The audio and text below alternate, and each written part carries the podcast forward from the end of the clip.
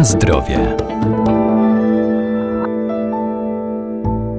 Istotą zdrowego odżywiania jest to, co zjadamy, jak często i w jakich ilościach. Nie bez znaczenia jest także uregulowanie czasu pracy, snu i odpoczynku, a w okresie jesienno-zimowym warto szczególnie zadbać o odpowiedni dobór składników w posiłkach. Zalecana jest także m.in. suplementacja witaminą D.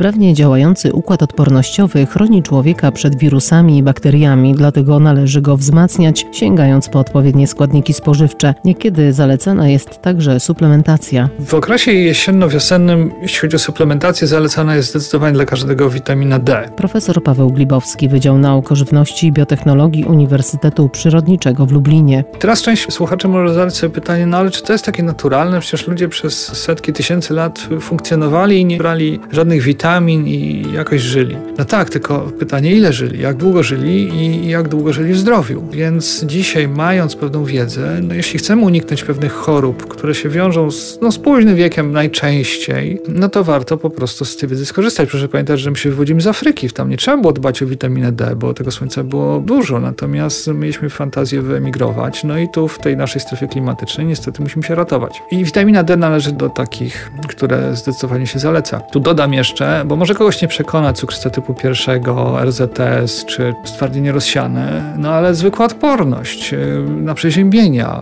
Ostatni COVID, który przecież spustoszenie siał, pokazał ewidentnie, że osoby, które miały właściwy poziom witaminy D, zdecydowanie rzadziej się zarażały, miały mniejsze ryzyko zgonu niż ci, którzy mieli niedobory witaminy D. I to były ogromne różnice, po kilkaset procent nawet. Więc no, warto o tym pamiętać. I to jest powiedzmy coś, co jest zalecane dla praktycznie wszystkich. Natomiast mamy kilka jeszcze składników żywności, które się proponuje osobom, które no, dokonują pewnych wyborów żywieniowych. Na przykład wegetarianie, którzy no, z reguły nie jedzą ryb, nie mają za bardzo szansy dostarczyć z dietą kwasów omega-3. I tutaj chodzi o konkretne kwasy EPA, DHA, które praktycznie są tylko w rybach tłustych. No są jeszcze w glonach, no ale to trzeba już naprawdę się uprzeć, żeby, żeby te glony do, do naszej diety wprowadzić. Więc to jest zdecydowane dla nich zalecenie, również dla osób, które ryb nie spożywają, nie lubią. Na zdrowie.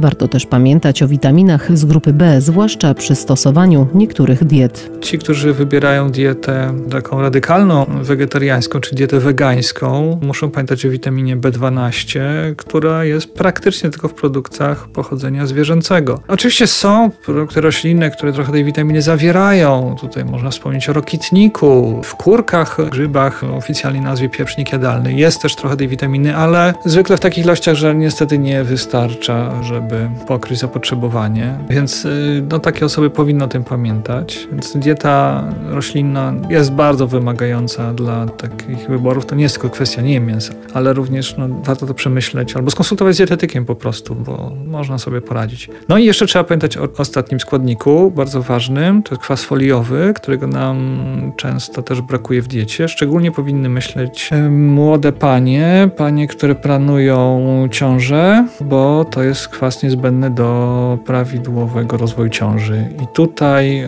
jeśli kobieta zachodzi w ciążę, trafia do lekarza, oczywiście lekarz absolutnie sugeruje suplementację, tylko często jest tak, że już jest troszkę za późno, dlatego że ten kwas foliowy oddziałuje na układ nerwowy płodu, ale w pierwszych tygodniach, a więc często jest tak, że już co się miało złego stać, to już się stało i to wprowadzenie suplementacji po kilku, kilkunastu tygodniach od poczęcia no, może się okazać, że jest za, za późne. Także problem jest na tyle duży, że rozważano nawet obowiązkową suplementację mąki w Polsce, kwas foliowy. Taka decyzja nie zapadła, bo to też nie jest tak do końca jasne. Nie zawsze kwas foliowy sprzyja mężczyznom w nadmiarze, więc tutaj póki co nie ma tej decyzji.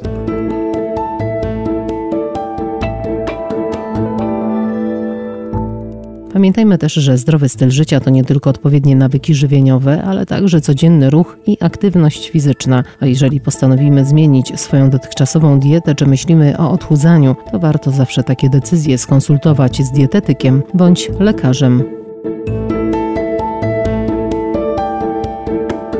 Na zdrowie.